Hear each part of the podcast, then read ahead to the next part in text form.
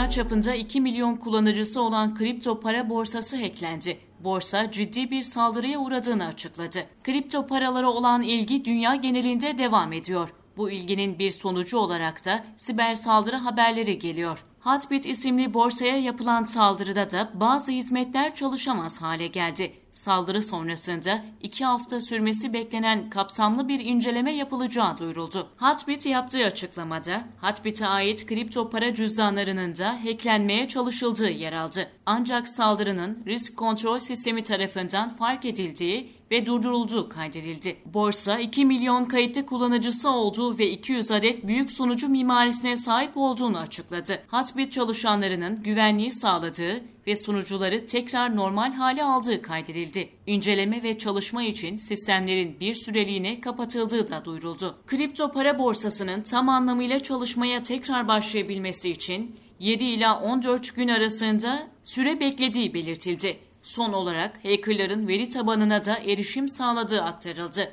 Bu nedenle kullanıcıların telefon numaraları, e-posta adresleri ve varlık verilerinin sızmış olabileceği konusunda uyarı yayınlandı.